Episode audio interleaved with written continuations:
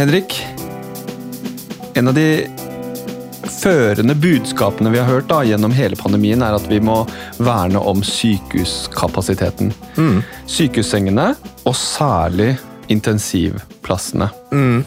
Hva mener vi med kapasitet i, Ja. på den måten? Det tenker jeg vi skal snakke om nå i denne episoden. Det tenker jeg er kjempeviktig, og noe vi ikke har snakket nok om i hele samfunnet. Em, det er jo sånn at i denne pandemien så kretser veldig mye rundt helse og sykdom og helsevesenet. Og med rette, for vi er jo i en pandemi, og der disse tingene må spille en kjempestor rolle. Og, men gjennom pandemien så har det liksom blitt mer og mer klart, i hvert fall for meg, kanskje jeg burde skjønt det med en gang, men eh, for meg så var det liksom sånn at, at dette med død og hvor mange som døde, for eksempel, var veldig, veldig, veldig sentralt for, for om man skulle ha tiltak eller ikke. Eh, Men jeg har etter hvert skjønt mer og mer at det som er liksom Det alt spinner rundt og avhenger av, er om kapasiteten på helsevesenet i helsevesenet er truet på et eller annet vis. At det er det som gjør at vi setter inn tiltak. Det er det liksom, friheten i andre, og måte, utfoldelsesmuligheten i andre deler av samfunnet avhenger av, er, er, er opplevelsen av om kapasiteten er truet eller overskredet, eller om det er fare for kollaps i helsevesenet. Disse ordene brukes hele tiden av ø, makthavere, altså alt fra ø, ledelsen i Helsedirektoratet til, til folk som jobber på sykehus, eller Sykepleierforbundet, eller hvem det er som er ute i media. De snakker, bruker disse ordene, og de utløser tiltak. Så det er på en måte en form for maktspråk. Men det som er blitt mer og mer klart, er at vi vet vel egentlig ikke helt hva hva, som, hva betyr overskredet kapasitet? Truet kapasitet? Ja, eller hva, hva betyr kollaps? Altså, Kollaps er jo blitt brukt, det har senest vært brukt den, denne uka her eh, av, av eh, lederen for Sykepleierforbundet, eh, som fryktet kollaps i helsetjenesten. Og når jeg tenker kollaps, så tenker man jo en sånn nesten sånn dystopisk tilstand hvor ingenting fungerer. Jeg tenker på folk i India som ikke får oksygen, Ikke sant? eller folk som må bli liggende på gangen og ikke komme inn i sykehuset. Eller i hvert fall i, liksom, i, minst, i det minste at man må prioritere hvem som skal få hjelp og ikke i en nødsituasjon. Altså alvorlige situasjoner man så for så vidt i Europa i, i den første fasen av pandemien spesielt. Men så, men så det der med å snakke om kollaps, altså Det er en ganske kraftfullt og, og, og, og måtte drøyt språk som selvfølgelig kan gi en del frykt, og som kan ut, som er egnet for å utløse tiltak. Og vi må tenke på at folk som jobber i helsevesenet, de er jo helter på mange måter. Det er mange som har gjort en ekstraordinær innsats over lang tid, og jeg skjønner kjempegodt at folk er slitne og har, og har eh, måtte, legitime behov for at ting skal og For ressurser og eh, for at ting, hverdagen skal være levelig. Samtidig så må vi tenke at de som bruker dette maktspråket Hvis man tenker på det med å snakke om kollaps, eller at nå blir, nå blir kapasiteten overskredet osv., det er også aktører i samfunnet som har egeninteresser, altså ledelse i sykehus, ledelse av de store intensivavdelingene eh, i Oslo, f.eks., som måtte bli maktbastioner, de, fordi de har så mye definerende, de, har, de kan definere hva som er hva som er overskredet og dermed måtte presse fram tiltak. Så de har jo et behov for at hverdagen skal være sånn og sånn, og ha interesser. Og så det jeg er litt opptatt av, er at, at folk der ute ellers i samfunnet som kanskje ikke helt vet hva som foregår innad i sykehusene, får vite hva, altså får mer konkret innblikk i hva betyr dette med overskredet kapasitet. Jeg syns det var en veldig fin, eh, en veldig fin sak i Aftenposten i dag. En intensivlege på, på Rikshospitalet som ble intervjuet, og som ville ha seg frabedt bruken av ordet krise. Han sa det eksplisitt. Jeg vil ikke at dere skriver at det er krise. Det, Hva mente han med det? nei, det, sånn som jeg tolket han, så mente han at de får til oppgavene sine. I hvert fall foreløpig sånn som det ser ut Foreløpig sånn som de ser ut. Det han sa, helt ryddig, tenker jeg, i tråd med hvordan man tenker generelt, er at hvis det kommer inn mer øyeblikkelig hjelp, da, f.eks. i form av korona eller RS-virus eller hva det måtte være, ja, da må de nedprioritere andre ting. Hva da? Da må de nedprioritere f.eks. planlagte operasjoner. Og det de gjør da, er at de, de nedprioriterer jo de operasjonene som f.eks. ikke handler om liv og død. Ikke sant? Det er sånn, det er sånn jeg for, forstår dem. Tenker du Jeg tenker i hvert fall Først så vil de jo selvfølgelig nedprioritere ting som ikke haster, og som kan vente, vente en stund. Så det skal Og- ganske men det tenker jeg er litt sånn prisverdig av han Barat Due, som er denne overlegen på, på Rikshospitalet. At, liksom, at man bidrar til å konkretisere hva vi har å gjøre med. Og det er helt åpenbart at det er helt utrolig at, at, at helsevesenet er jo en er jo en del av samfunnet som der liksom 10% av alle penger i Norge går gjennom. Og likevel så, i løpet av halvannet år med pandemi, så har man liksom ikke fått brukt ressursene på en sånn måte at man er mer robust da, overfor en smittebølge som jeg tenker det har vært ganske sannsynlig lenge jeg ville komme mot slutten av pandemien der man åpner opp. Ja, for- og, og likevel så så er, så er det liksom kjempevanskelig og, og veldig marginalt liksom hva, Ja. man skal, hva som skal til før man begynner å si at nå er kapasiteten overskredet eller, eller vi er på vei til kollaps. Ikke sant? Så jeg er helt enig. Og, det, det, så det er en slags system, nesten en slags form for systemsvikt. Ja, det Men det er en svikt som har vært over tid. Og spørsmålet er om det kan bli problemet til andre samfunnsaktører ja, vel- i denne fasen her. For, vi, for det hele poenget er at vi må vekte de hensynene, altså hensynet til at sykehusenes hverdag skal være mest mulig normal, og at de ikke skal bli slitne, og at de må utsette for, operasjoner f.eks. Hensynet til dem og det de pasientene det går utover, må vektes mot andre hensyn i samfunnet. ja, da- hvilke, hvilke hensyn tenker du da? Tenker du f.eks. kulturlivet? Ja, for, det, for det første aktører som jeg tenker har vært noen av de som har vært mest skadelidende, aktører i kulturlivet eller ja.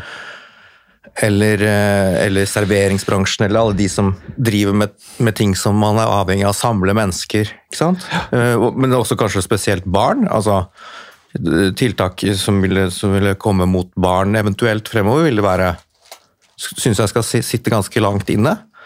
Men man er jo allerede der at man skal masseteste ungene i sånne store screeningundersøkelser i skolen.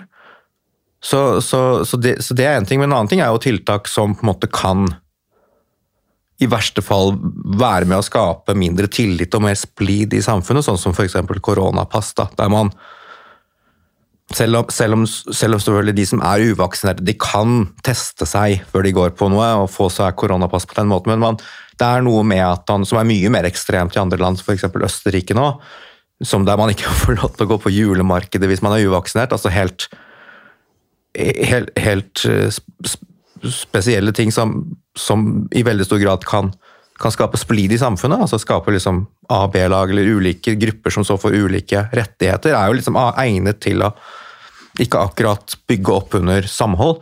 Så den type den type øh, skadevirkninger må det jo også veies opp mot. Hva er det vi egentlig unngår vi, hva er det vi snakker om når vi snakker om denne typen overskredet kapasitet, og hva er det vi unngår ved å, av lidelser, og hva er det vi kan få av skade ved å liksom, gjennomføre tiltak på bakgrunn av det. Og jeg synes det utspillet fra, fra Rikshospitalet og den overlegen er viktig fordi da får vi for, samfunnet mer, kan forholde seg mer konkret til hva er det som står på spill nå. Det blir synliggjort i en mye større grad. Det blir jo synliggjort en stor sårbarhet. og jo, Jeg tenker jo at intensivmiljøet har jo snakket om dette veldig lenge, også før pandemien. da. Så det, For meg virker det jo underlig at man ikke har bygget opp noe, noe eh, ressurser, eller altså dimensjonert opp, da. Særlig i denne pandemien. Det er jo, tenker jeg er, vil være blant de mer kritikkverdige tingene som vil komme i etterspill av denne pandemien. Ja, men ikke Men bare i liksom- etterspill, men, men, men jeg tenker at dette blir noe som man må snakke om nå. for at, Som vi snakket om i forrige episode, om immunitet, så er jo ikke dette noe som nødvendigvis vil måtte nå ta slutt sånn veldig over, fra, fra en, en dag til en annen, nær sagt. Altså det, det er jo en, vi må se for oss at dette viruset kan være noe som skaper en god del sykdom eh, og problemer etter hvert som immuniteten bygger seg mer og mer opp i samfunnet.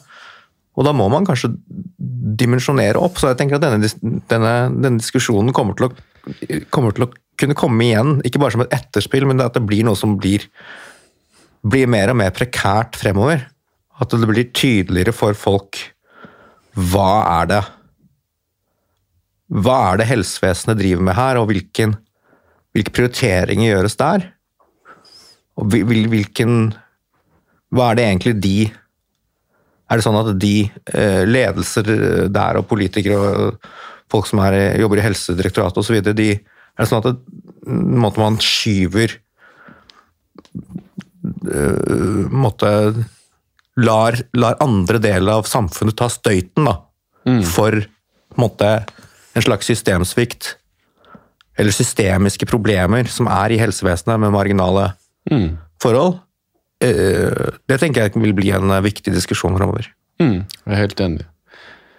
En veldig viktig diskusjon, og som du sier også, som bør tas allerede nå. Da Og da starter det jo med nettopp utspill som Barrat du kommer med, som, som på nøkternt vis beskriver arbeidssituasjonen. Jeg tenker jo eh, også fra legekontoret, altså jeg driver jo driver et legekontor sammen med mine kollegaer, og der er det jo sånn som, sånn som situasjonen er nå, så er jo vi også veldig sårbare ved bare vanlig infeksjonssykdom, som vi kanskje mange helsepersonell over lang tid har jo gått på jobb med forkjølelse og, og kanskje til og med litt feber, kan noen og enhver ha gjort. Men det gjør vi jo ikke nå lenger.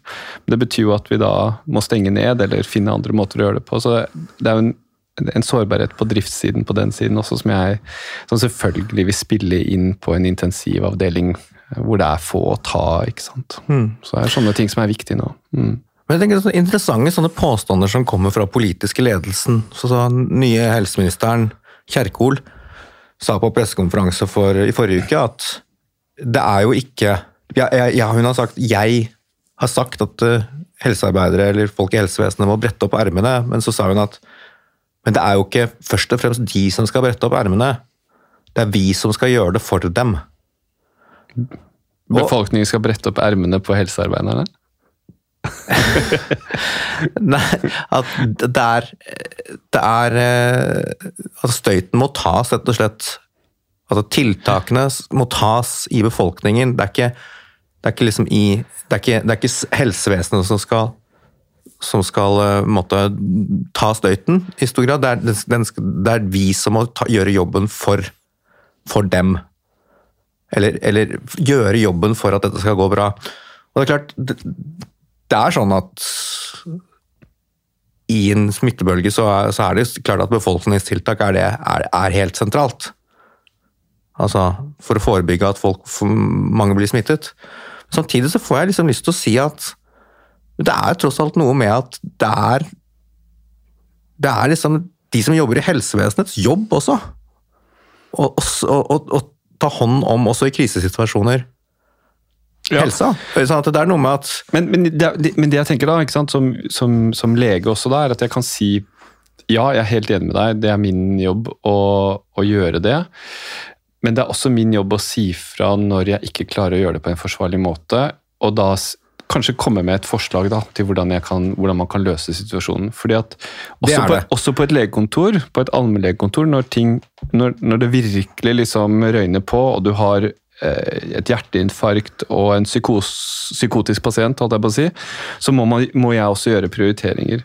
Da vil andre ting eh, måtte vente. Kontroller eller hva det måtte være. Folk må finne seg i å vente. Det er, men det er min oppgave da, som lege da, å si helt klart og tydelig fra at nå er situasjonen sånn at jeg er nødt til å prioritere det som jeg anser som det mest prekære medisinske ja, anliggende nå. og, og de som jobber på intensivavdelingen eksempel, har jo en helt unik innsikt i hvordan ståa er. og har absolutt et ansvar for å si ifra når det blir uforsvarlig, som du sier. Samtidig så, så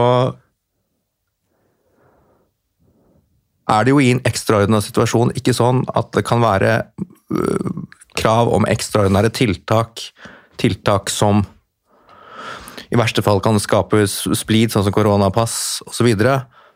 Og så skal det på en måte være et slags krav om, eller forventning om at, at samtidig om at virkeligheten skal være så, noenlunde normal i helsevesenet. Det er det jeg vil fram til. Ja.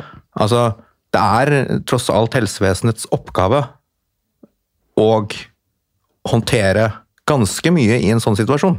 Mm. Um, så, så, Det er bare for å problematisere det helseministeren sa. Altså, det kunne vel vært rimelig at Kjerkol for hadde sagt at nå er vi i en sånn situasjon, øh, sykehusene og intensivavdelingene rapporterer om dette og dette. Det innebærer, kjære befolkning, at vi må prioritere ned andre ting. Hun kunne jo støttet sykehusene på den måten. Ja. Ikke sant? Og sagt at nå må dere, så, sånn er det nå. ikke sant? Ja. Sted, og, og, men altså, sykehusene er kjempestore bedrifter Altså kjempestore uh, enheter som har sine egeninteresser. For, for normal drift, for inntjening. Og dette tenker jeg er liksom noe, i hvert fall i denne fasen der viruset alt i alt etter hvert blir mindre og mindre farlig, og liksom bølgene blir mindre og mindre klart at vi må slå dem ned, liksom.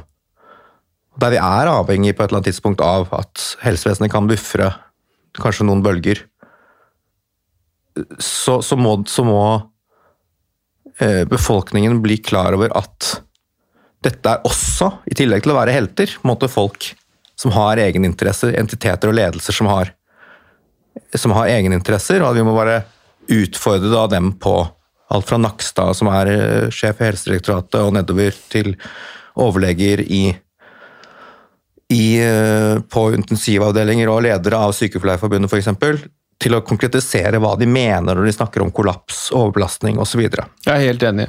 Og det først og fremst samfunnet trenger nå, er en diskusjon rundt disse tingene. Jeg tror vi er veldig dårlig stilt hvis vi ikke tør å, å rydde opp i språket.